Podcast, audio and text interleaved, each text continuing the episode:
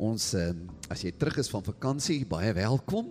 Ons het 'n wonderlike Paastyd gehad en ehm ons het besluit om vir net in hierdie seisoen te vertoef. En te dink wat het gebeur in hierdie paar weke nadat Jesus opgestaan het? Aan wie het hy verskyn? En ehm ons vat veral die twee hoofkarakters in hierdie verhaal van Jesus se opstanding en verskyning en kyk hoe raak dit ons lewe. En vandag gaan ons kyk, verlede week het ons gekyk na ehm uh, Maria Magdalena hoe Jesus aan haar verskyn het.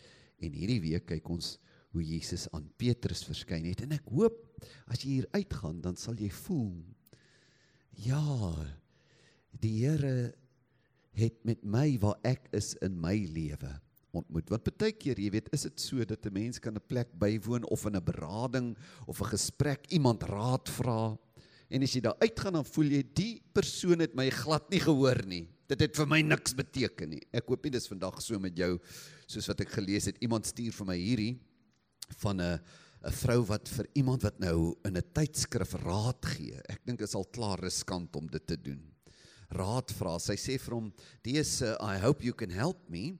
The other day I set off for work, leaving my husband in the house."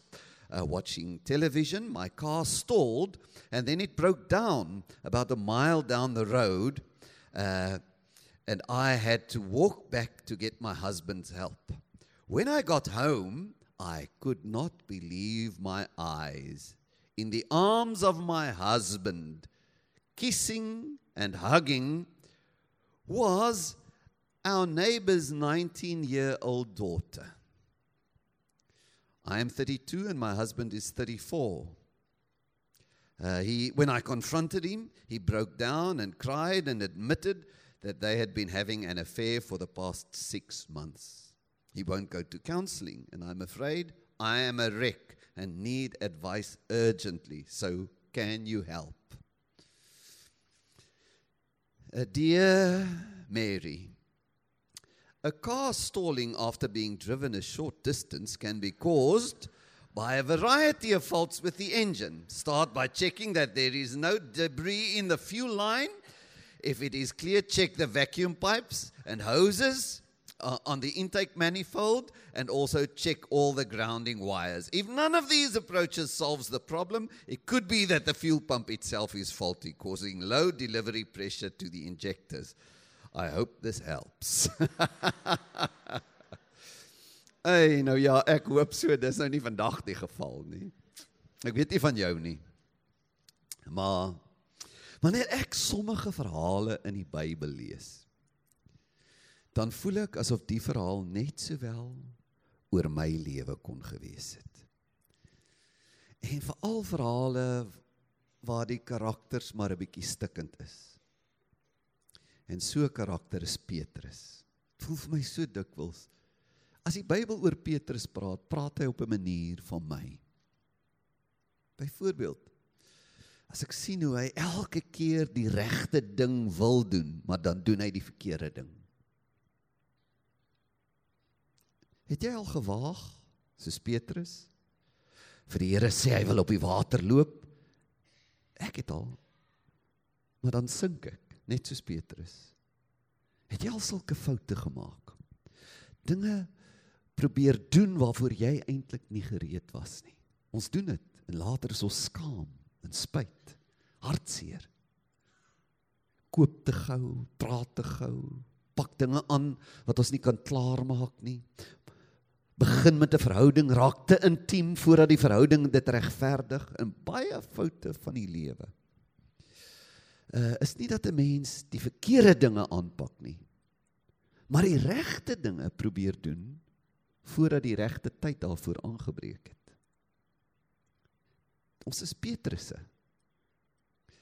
Uh die ander ding van Petrus as ek na sy storie kyk is hoe wisselvallig hy is.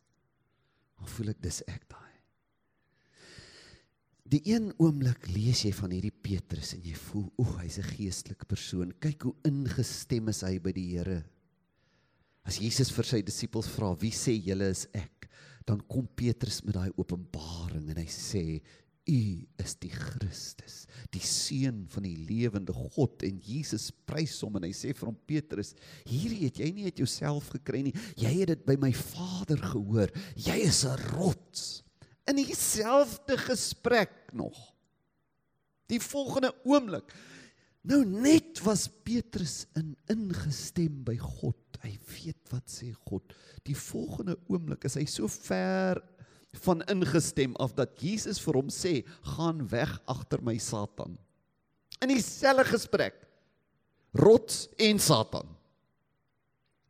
Want Jesus sê jy dink nie die dinge van God nie. In die een oomblik sê Jesus, jou gedagtes het jy nou by God gekry. Die volgende oomblik sê jou gedagtes is vol van Satan se dinge. Jy onthou die geval, né?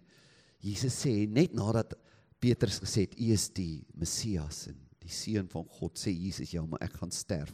Dan sê Petrus nooit nie Here. En dan sê Jesus hom gaan weg agter my Satan. Is dit nie so nie? Ek voel ek maak God ook stil. Veral wanneer dit by opoffering kom. Petrus maak Jesus stil. Hy sê Jesus nooit nie. Dit wat u nou gesê het kan nie gebeur nie.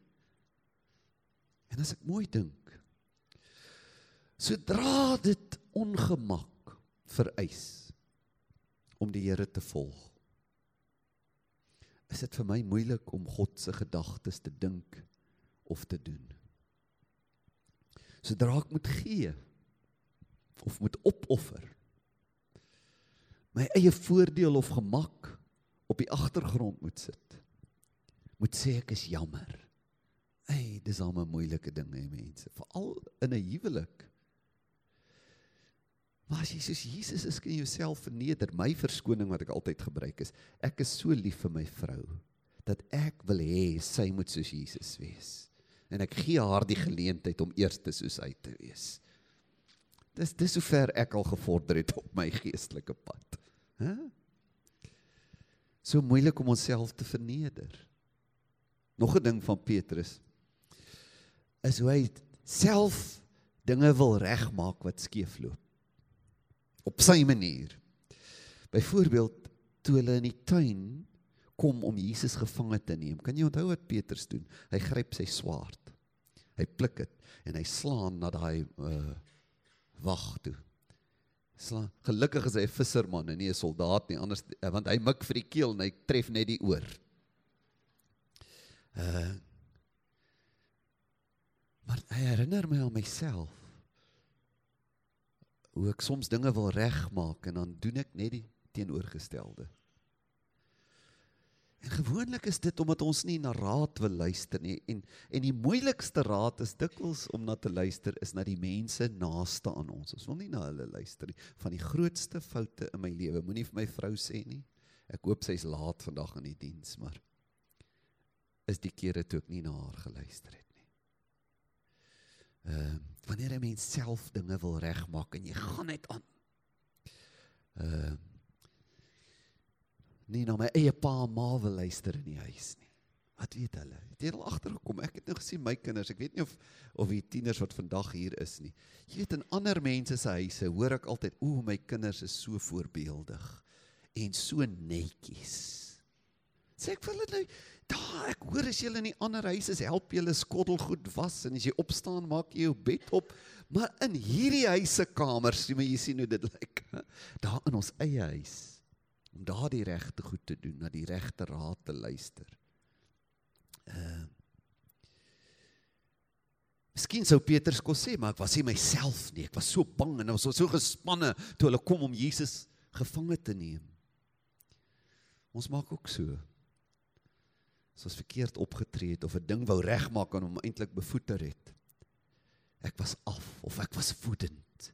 Ek gaan deur 'n moeilike tyd. Ek was net moeg of gespanne of ek het 'n bietjie te veel gedrink is 'n klassieke verskoning. Die waarheid is dat daar altyd net een mens is verant wat verantwoordelik is vir wat ek gedoen het. Is ek self. Petrus, dis jy wat daai oor afgekap het. Dis my optrede, my besluite, my woorde. En dan, ek weet nie van jou nie. As ek sien hoe Petrus probeer lojaal wees het aan Jesus. maar dit nie kon regkry nie. Sy beste. Hy het regtig besluit ek gaan by Jesus staan. Here, as hulle u wil doodmaak, moet hulle my eers doodmaak. En dan sê hy hierdie woorde en dit dit is waar hy daai diep ego swakheid donkerte in ons almal is. Hy sê Here, al sal al die ander disippels u verlaat, ek sal nie. Uh, sy in sy in in, in Petrus se laaste mislukking sien ek iets van myself. Uh Petrus sê eintlik ek is meer toegewyd as die ander disippels. Ek is dapperder. Ek het 'n dieper liefde en 'n dieper lojaliteit. Die ander sal u teleurstel, ek nie. En ek betrap myself dikwels dat ek uh dink ek is beter as ander mense. Ek is dieper as hulle of slimmer as hulle of heiliger as hulle of mooier. Wel, dis voor die hand liggend, maar Hoe moes Petrus nie voel toe hy uiteindelik agterkom ek is nie wie ek gedink het ek is nie. Ek kon nie doen wat ek beloof het nie. Jy weet mos hoe jy voel as jy so faal. Daai daai daai gevoel van vertwyfeling in jouself. En en as die verhaal van Petrus vertel word, dan kry ons hom uiteindelik die Bybel sê hy was stikkend en hartseer en hy het opgebreek en gehuil. Daar lê 'n donker gevoel van vertwyfeling. Sal ek dit ooit maak? Sal ek ooit goed genoeg wees? Sal ek ooit verander? Sal ons verhouding ooit beter word? Hier is ons nou weer waar ons maar nog altyd was. Hoe Jesus na sy opstanding met die vertwyfelde vernederde Petrus maak is een van daardie verhale in die Bybel wat vir my hoop gee. En hoe Jesus met Petrus maak, ontdek ons iets van van die wonderlike edel genadige sagte wyse hart van God. Die God wat niemand afskryf nie. En dis hoe hy ook met my en met jou maak in ons vertwyfeling. In ons swakheid en, en selfs in ons boosheid. God skryf niemand af nie. Nou kom ons kyk vir oggend net. En ons ontdek wat tussen Jesus en Petrus gebeur na Jesus se opstanding. In Jesus se pad na sy opstanding met Petrus kan jy iets ontdek van God se pad met jou. Jy ontdek Jesus se geheime gesprekke met jou. Want jy sien hier, Jesus het geheime gesprekke met Petrus gehad. Kan jy onthou ehm uh, toe Petrus nou so vol bravade sê, ek gaan by die Here staan. Kom ons lees dit Matteus 26. Daarop antwoord Petrus en sê vir hom: U sal al sal almal ook aanstoot aan u neem. Ek sal nooit aanstoot neem nie. Jesus sê vir hom: "Voorwaar, ek sê vir jou, in hierdie nag voordat die haan gekraai het, sal jy my 3 maal verloon." Petrus sê vir hom: "Al moes ek ook saam met u sterwe, ek sal u nooit verloon nie." So het ook al die disippels gesê. Al die disippels het sê hulle gaan hom nie verloon nie, maar net Petrus het gesê, "Al sal die ander, ek sal nie." Nou as Lukas dieselfde verhaal vertel, gaan hy bietjie verder. Lukas sê so en die Here sê, "Simon, Simon, kyk, die Satan het vurig begeer om julle soos koring te sif, maar ek het vir jou gebid." Hierdie eerste punt. Jesus het geheime gesprekke nie met jou nie, maar oor jou, oor jou. Jesus sê: "Ek Simon het vir jou gebid." dat jou geloof nie ophou nie en as jy eendag bekeerd is Petrus my gebede gaan jou help Jy is nou nog op 'n plek waar jy nie besef hoe swak jy is eintlik. Jy dink jy's so sterk, maar eendag gaan jy omdraai en weet wie jy is. En ek is besig om met my Vader daaroor te praat. Ek bid vir jou. Dan sterf Jesus. En hy staan op en hy verskyn en uh jy onthou Maria Magdalena, Maria en Salome gaan graf toe. En uh dan praat 'n jong man, 'n engel met hierdie drie vroue. Dis wat hy sê. Hy sê vir hulle: Moenie verskrik wees nie. Julle soek Jesus die Nasareëner wat gekruisig is. Hy het opgestaan. Hy is nie hier nie. Daar is die plek waar hulle hom neergelê het.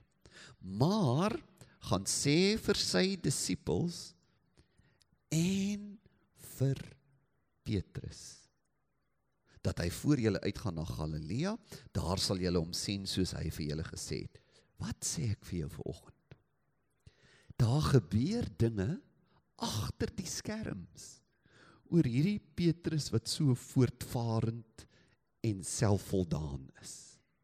Twee gesprekke oor hom weet ons ten minste van. Een, Jesus sê Petrus, ek bid vir jou. Daar's gesprekke oor jou tussen God die Vader en God die Seun oor jou. Hier was ook 'n ander gesprek. Want hierdie engel sê vir die vroue gaan sê vir Petrus. Jesus het dus opgestaan Hy het met hierdie engel gepraat en vir hom gesê: "Hier is wat jy nou moet sê. Sê vir hierdie vroue, hulle moet vir al die disippels sê, hulle moet my daar in Galilea kry. Ek wag vir hulle daar. Maar onthou, maak seker jy sê vir die vroue sonder Petrus se naam uit. Maak seker Petrus hoor. Ek sê hy moet ook kom want Petrus is baie skaam. Hy gaan dalk dink as ek sê disippels is hy uit. Want hy het my verloon. Judas het my mos verraai en Judas het selfmoord gepleeg. Petrus kan op so slegte plek wees dat hy dink ek wil hom nie sien nie, ek wil net die disippels sien. Want hy het mos gesê hy's beter as die disippels en nou is hy net so swak soos hulle. Gaan sê vir die disippels en vir Petrus. Dink jou in in Jesus se verhouding met Petrus. Dit gebeur nie net waar Petrus in Jesus se teenwoordigheid is nie. Daar gebeur dinge oor Petrus agter die skerms. Nou is die vraag: Hoe raak dit jou? Dit raak jou intens. Want die Bybel sê God sonder geen mens uit nie. Hy maak geen mens belangriker as die ander nie. Hy trek geen mens voor nie. As Jesus geheime gesprekke oor Petrus het met betrekking tot Petrus se swakheid Petrus se gevoel van vertwyfeling, Petrus se gevoel, ag ek is 'n totale mislukking. Petrus se gevoel ek sal nooit regkom nie. Petrus se gevoel dinge nou finaal te veel geword. As Jesus agter die skerms oor hierdie Petrus se gevoel, se emosie gesprekke het, hemelse gesprekke. 1 met sy Vader, twee met engele, dan is dit ongelooflike nuus vir my en jou. Van die Here het Petrus nie liewer as vir jou nie. Hy het jou net so lief. Jy kan dus vandag huis toe gaan met hierdie wonderlike wete. God praat oor my. Daar's geheime gesprekke op 'n ander plek oor my. Oor my gevoelens. Oor my mislukkings. En net soos wat Jesus vir Peter sê, ek het vir jou gebid dat jy verander, dat jy regkom, dat dinge met jou sal beter gaan. Net so sê Jesus dit vanoggend vir jou. En Paulus later sê presies daardie woorde. Hy sê die opgestane Jesus, dis een van sy eienskappe dat hy met sy Vader oor mense praat. En dit sluit jou in as individu. Kyk wat sê Romeine 8 vers 34. Wie kan ons veroordeel? Christus Jesus het gesterf. Maar meer as dit, hy is uit die dood opgewek. Hy sit aan die regterhand van God. En wat doen hy daar? Daar's geheime gesprekke aan die gang oor jou krisis. Oor jou gemoed. Oor jou bekommernis. Oor jou situasie. Dis is 'n aangrypende gedagte. Jesus is God. God die Seun praat met God die Vader. En hy sê: "Vader, ek dink nou aan Anton. Ek is bekommerd oor sy gemoed. God die Seun praat met 'n engel. Die skrif sê die engele word uitgestuur om diens te doen ter wille van God se kinders. Kan jy dit vir oggend vat en sê ek glo dit.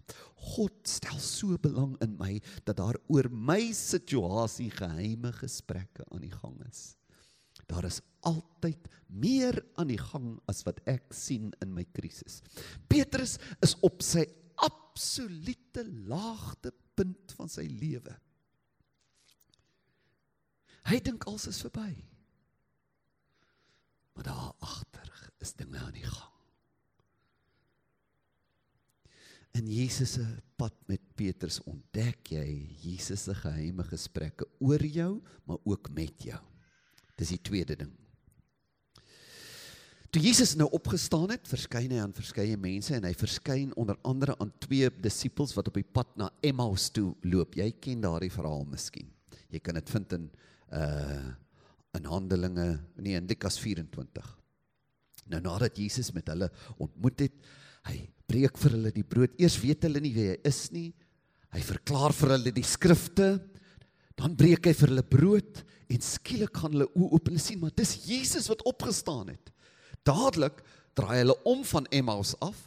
Hulle gaan terug Jerusalem toe en hulle vind die disippels daar want hulle wil nou vir die disippels gaan vertel Jesus het aan ons verskyn. Hoor wat sê die disippels vir hulle. Kom ons lees net daar Lukas 24.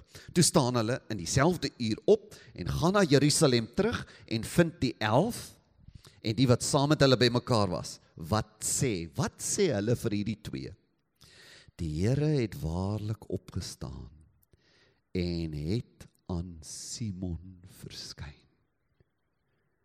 Jy het baie keer lees ons ons oor versies. Maar ons sien nie die wonder van daai vers raak nie. Kyk hierdie wonderlike toneel.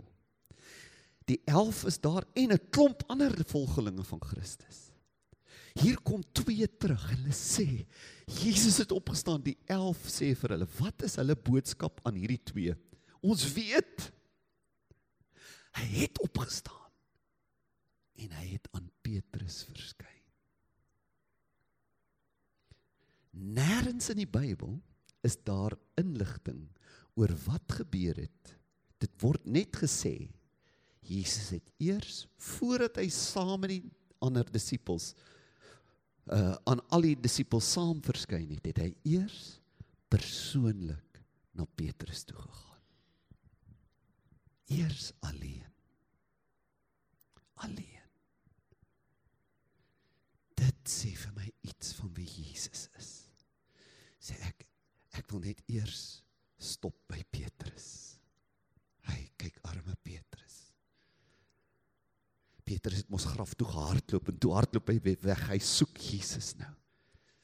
Nog steeds 'n vertwyfeling. Jesus stop by hom alleen net Jesus en Petrus. En nie Petrus of enige disipel gee inligting oor wat daar gebeur het nie. Dis persoonlik. Daar's iets intiem, intens, persoonlik beskikbaar vir jou met Jesus. Jy kan jou diepste geheime met hom deel. Hy sal dit vir niemand uitklap behalwe sy Vader en die Gees nie. Ek wonder wat het in daardie gesprek gebeur. Want ook in 1 Korintiërs 15 as Petrus ag as Paulus weer die opstanding opsom. Kyk hoe som Paulus dit op en hy maak seker jy sien dit raak. Hy sê want in die eerste plek het ek aan julle oorgelewer wat ek ook ontvang het dat Christus vir ons sondes gesterf het volgens die skrifte en dat hy begrawe is en dat hy op die derde dag opgewek is volgens die skrifte en dat hy aan Sefas 'n ander naam vir Petrus verskyn het daarna aan die 12. Kyk hierso sien jy dit raak in die Bybel dat hulle wat verslag doen oor wat Jesus gedoen het na sy opstanding seker maak op nie net een plek nie jy hoor hulle wil hê jy moet dit weet dat hierdie stikkende vertwyfelende huilende senuweeagtige Petrus wat voel ek is 'n mislukking wat jy by die kruis kry as hy vloek en sê ek ken hom nie en hierdie ou wat so spyt is oor oor sy lafhartigheid. Hulle wat verslag doen oor Jesus se opstanding maak seker op verskeie plekke jy hoor Jesus het eers na hom alleen gegaan. Petrus, kom hier. Toe maar. Ek ek het klaar vir jou gebid. Moenie so hard op jouself wees nie. Ek verstaan. Ek het geweet jy gaan my verraai. Jy het my nie verras nie. Ek het geweet jy's te swak. Ek het geweet jy wil, maar ek het geweet jy kan nie. Ek ken jou mos. Miskien, miskien want op vir 'n ander twee disippels op die pad na Emmaus toe sê die Bybel, Jesus het vir hulle skrifte uitgelê. Miskien het Jesus dit met Petrus ook gedoen. Wat se skrifte sou Jesus vir Petrus gesê het of Waaraan sou hy Petrus herinner het wat hy alreeds vir hulle gesê het? Miskien sou Jesus hom herinner het dat hy Petrus onthou hy nie wat ek vir julle gesê het nie. Matteus 10 vers 29. Twee mossies word vir ou klein muntstukkie verkoop.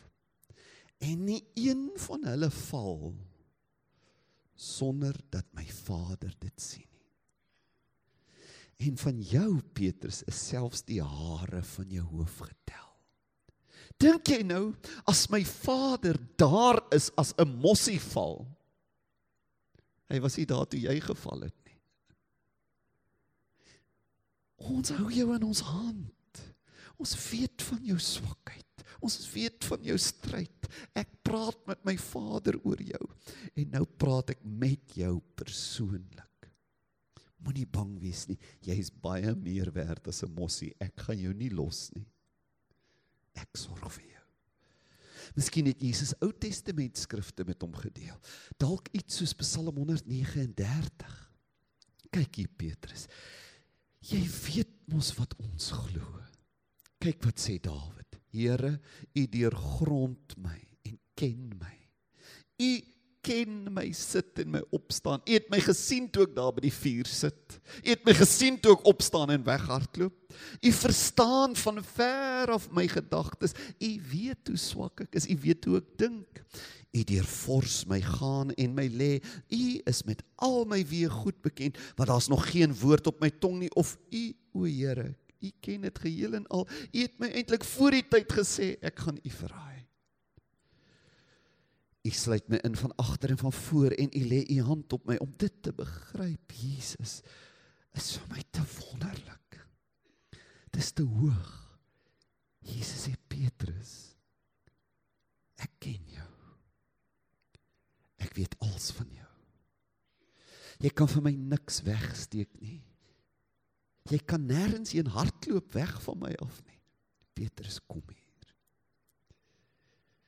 Ek vergewe en ek verstaan jou swakheid. Ek ken jou vandat jy 'n kind is. Ek weet hoe jou pa met jou gemaak het op die boot.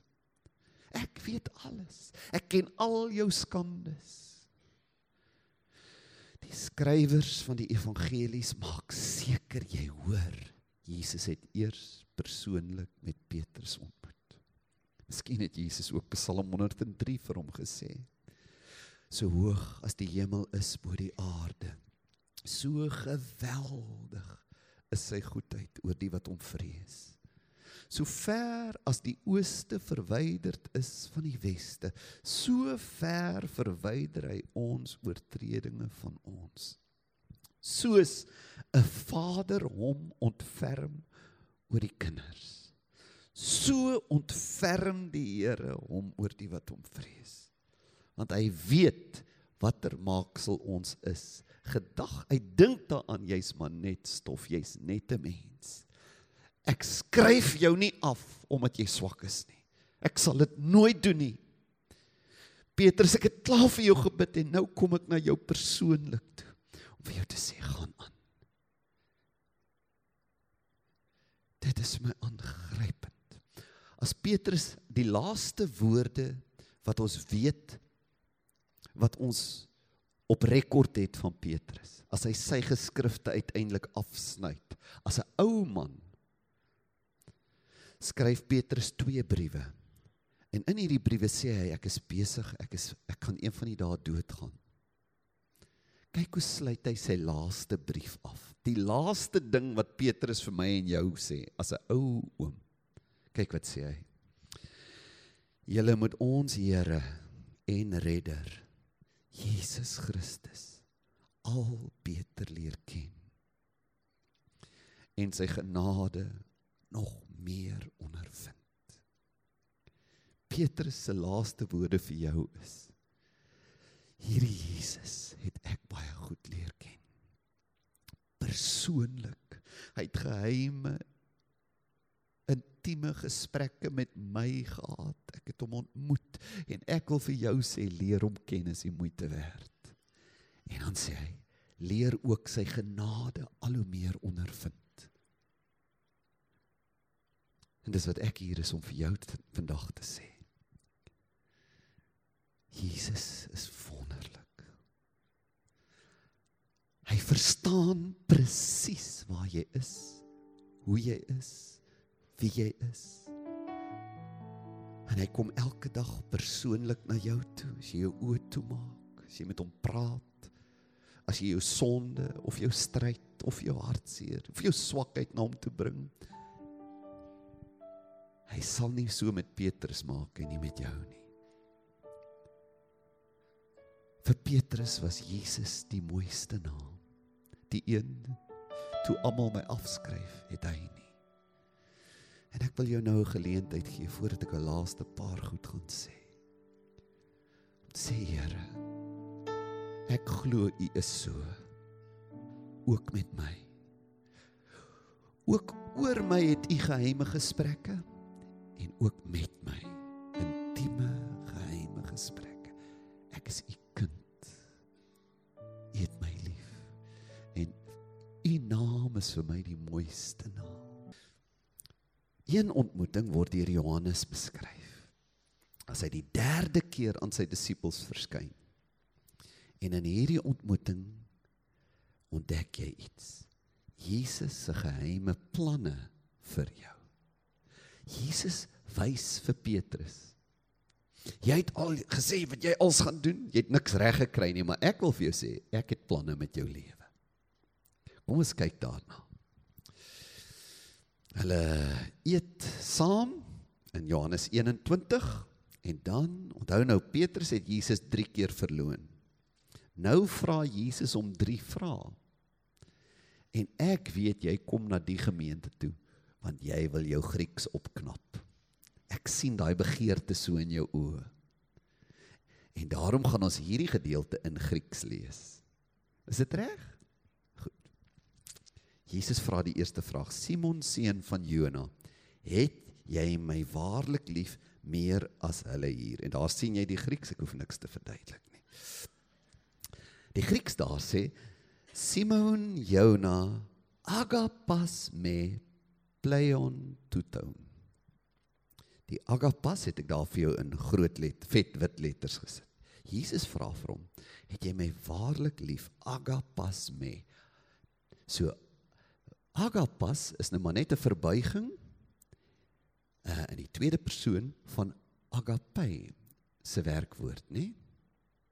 Agape is word gebruik in die Nuwe Testament om goddelike selfopofferende liefde uit te uh, uh, te beskryf. Maar nou onthou nou, Johannes skryf sy uh evangelie in Grieks. Maar die gesprek sou nie in Grieks plaasvind nie, sou uh waarskynlik sê party in Aramees, ander sê in in suiwer Hebreëus plaasvind. Wat sou daar gebeur het dat as Johannes uiteindelik sy evangelie in Grieks skryf, hy voel want in in in Hebreëus is daar nie so verskillende woorde nie. Daar moes iets in die gesprek plaasgevind het. Dat Johannes voel is al hoe ek dit in Grieks kan sê dat Jesus vir Petrus gevra het Petrus jy het mos nou gesê jy sê jou lewe vir my gee. Petrus sê vir my sal jy sal jy alles het jy my so lief soos wat jy gesê het? Agapas me. Het jy my so lief met 'n goddelike liefde dat jy alles vir my sal prys gee? Onthou Petrus het dit mos gesê. Nou vra Jesus om dit. Maar is nou nadat Petrus nou met Jesus al ontmoet het nê Kyk hoe antwoord Petrus vir Jesus. Ja Here, U weet dat ek U liefhet. Nou in Afrikaans sien jy nie wat daar aangaan nie. Maar hoe Johannes dit beskryf in die Grieks, hy sê naikuri suoidas hoti philo sê. sien jy daai wit daar wat ek groter gemaak het, dit sê philo. Petrus gebruik 'n ander woord vir liefde as hy Jesus antwoord. So in die Hebreëse gesprek sou Petrus iets so sê soos Here, U weet dit ek het U lief, maar ek het U eintlik nie so lief. U weet, U het mos nou gesien ek kon nie my lewe vir U gee nie. Maar ek het U lief. U is my vriend en ek wil so graag. Nou die woord wat Petrus wat Johannes nou in die Grieks gebruik om vir ons die gesprek te probeer weergee is dat Petrus was nederiger. Petrus het eintlik erken ek het U lief, maar my liefde is nog nie so. Ek het ek weet ek kon nie by U staan nie. Philo sê. En philo is die woord nou daar om broederlike liefde, vriendskapsliefde. Here, ek is u vriend, maar die liefde wat God vir ons het, wat u het, u het u lewe gegee. Ek dink nie ek het daai liefde nie. Vra Jesus hom weer. 'n Tweede maal. Simon seun van Jona, het jy my waarlik lief? Weer sien jy dit daar? Jy het nou al die Grieks onder die knie. Simon, Jona, agapas me. Vra weer. Simon, wat ek net seker maak. Het jy my lief met 'n selfopofferende goddelike liefde wat alles sal opoffer vir my? Petrus antwoord weer. Uh, Jesus. Maar is net interessant, ekskuus dat ek nou teruggaan na die eerste. Onthou in die eerste een sien jy wat Jesus vra.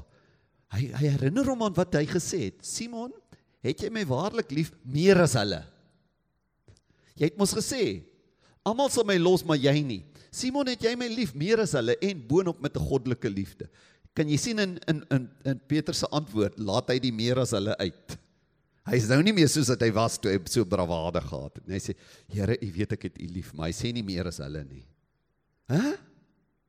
Ene mense, dit is vir my so interessant. Ons kom nou by die gedeelte wat my nou opgewonde maak. Sê, het jy dit al raak gesien? Petrus antwoord, ek het U lief, maar nie meer as hy sê nie meer as hulle nie. Hy weet daai speletjie werk nie.